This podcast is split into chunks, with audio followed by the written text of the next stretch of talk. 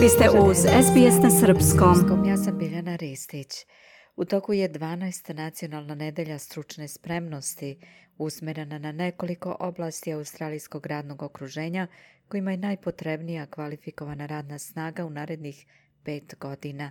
Predviđa se, na primjer, da će se građevinski sektor suočiti sa nedostatkom od 100.000 radnika samo tokom sljedeće godine. Sektoru zdravstva i brige o deci bit će potrebna injekcija od četvrt miliona novih radnika do 2025. dok se sektor informacionih tehnologija također suočava sa nedostatkom kvalifikovanih radnika. Obilazeći draguljarsku radionicu Čerone Jewelers, Premijer Anthony Albanese opisao je ovaj biznis kao izuzetno uspešnu australijsku migrantsku priču. Osnovan pre 50 godina od strane italijanskih migranata, ovaj biznis je tokom godina zapošljavao na stotine radnika, pružajući mogućnost za obuku sljedeće generacije. Uh, Nick has always insisted Nick, vlasnik i osnivač, je uvek insistirao na tome da ima 5-6 šegrta svake godine, izgrađujući tako bazu stručnih radnika, kaže Albanizi. Obeležavajući početak nacionalne sedmice stručne spremnosti, premijer je naglasio da će obezbediti više sredstava za obuku i stručno obrazovanje u trenutku kada se vlada suočava sa sve većim pozivima predstavnika raznih industrijskih grana da poveća migraciju kvalifikovanih radnika kako bi se izborili protiv sve većeg nedostatka radne snage. I make no apologies for saying that migration is part of the solution Bez izvinjenja kažem da je migracija deo rešenja, ali to nije jedini deo. Obuka i stručno obrazovanje australijanaca je također važno. Mi želimo da australijancima pružimo takve mogućnosti, kaže Albanezi. Novi statistički podaci podcrtavaju deset najtraženijih profesija, odnosno sektora, sa najvećim nedostatkom radnika, uključujući medicinske sestre, kuvare, učitelje, u sektoru ranog obrazovanja dece i električare. Sa znatnim predviđanjima rasta nedostatka radnika u IT sektoru.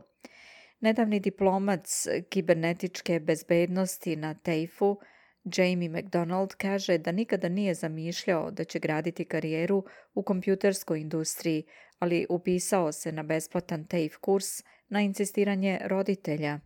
Kaže da je pronašao sebe u informacionim tehnologijama i da će se ovog oktobra takmičiti za Australiju u cloud računarstvu u Koreji. I definitely spent a lot of time in the computer at school. Um, did a IT course in year 12 actually. Definitivno sam proveo mnogo vremena za računarom u školi. Zapravo sam pohađao IT kurs u 12. godini, ali nikada nisam bio previše zainteresovan za računare ili IT veštine. Sticanje napredne diplome i otvaranje ovog puta za cloud računarstvo je ogromna šansa za mene, jer pre ovoga nikada ne bih ni razmišljao o cloud računarstvu. Zaista mi je drago što sam dobio takvu priliku, kaže on. Građevinski radnici i građevinski inženjeri također su identifikovani kao ključni kadar za čiju obnovu stručne spreme treba ulagati, a procenjuje se da će sektorima zdravstvene zaštite i socijalne pomoći biti potrebno još četvrt miliona radnika do 2025.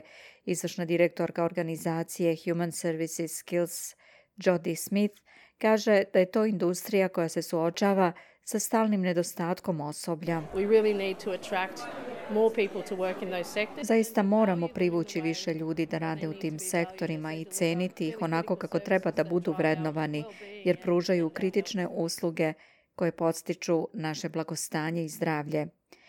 Sa zabranama putovanja zbog COVID-19 došlo je do izražaja koliko se oslanjamo na međunarodne radnike u nekoliko industrija, a predstavnici nacionalne nedelje stručne spreme kažu da je od ključnog značaja privući više ljudi za stručnu obuku u trenutku kada je nivo imigracije još uvek iza nivoa pre pandemije. Predsjedavajući nacionalne sedmice stručne spreme Brian Veham kaže da je vreme za one koji napuštaju školu i one koji žele da se prekvalifikuju da razmotre svoje mogućnosti u pogledu profesija koje će verovatno biti tražene u budućnosti. Potrebni su nam kvalifikovani radnici i ove nedelje zaista želimo da istaknemo neke od mogućih načina za sticanje stručnosti i da podstaknemo mlade, ali i starije ljude da se uključe, pogledaju i istraže sve mogućnosti.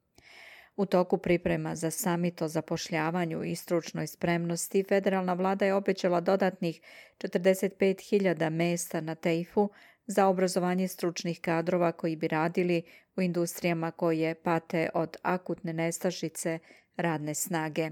Samit će okupiti vlade država i teritorija kao i zainteresovane predstavnike iz industrije kako bi odredili budući put razvoja na tržištu rada. Piše Abby Dinham za SBS News. Ja sam Biljana Ristić, slušate program na srpskom. Želite da čujete još priča poput ove? Slušajte nas na Apple Podcast, Google Podcast, Spotify ili odakle god slušate podcast.